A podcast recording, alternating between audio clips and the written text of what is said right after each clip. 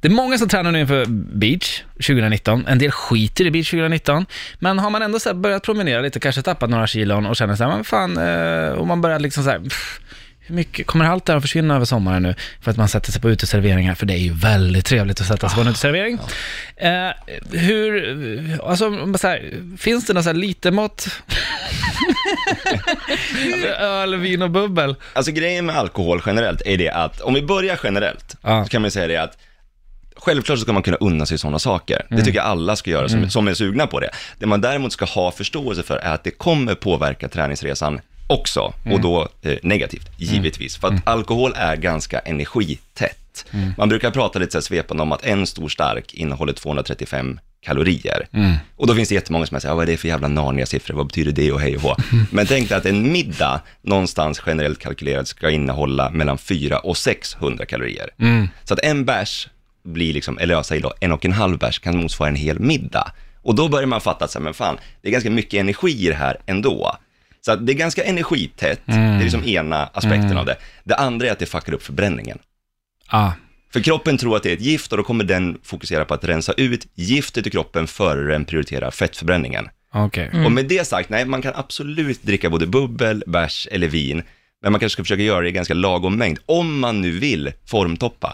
Tänk någon så här mm, nytänkande 5-2, träna fem gånger i veckan, drick två glas eh, bubbel, eller två bärs i veckan då.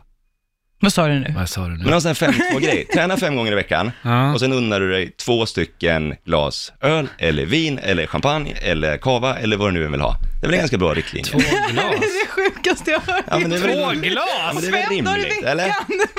Men vadå? Jag, Jag börjar typ gråta. jag trodde det var tvärtom. Träna två, drick eh, fem Drick glas. fem dagar, träna Om två dagar. Ja, men den är inget bra. Ja. Alltså, eller hitta din jävla nivå då. Men grejen är att så här, ja, fortsätt att dricka om du gillar det, men drick i väldigt lagom mängd, för att det kommer fucka upp formtoppningen. Så det, om jag hör det jag vill höra här nu, så menar du, du sa det med ölen och kalorier och sånt där. Du menar skippa maten och drick dagen.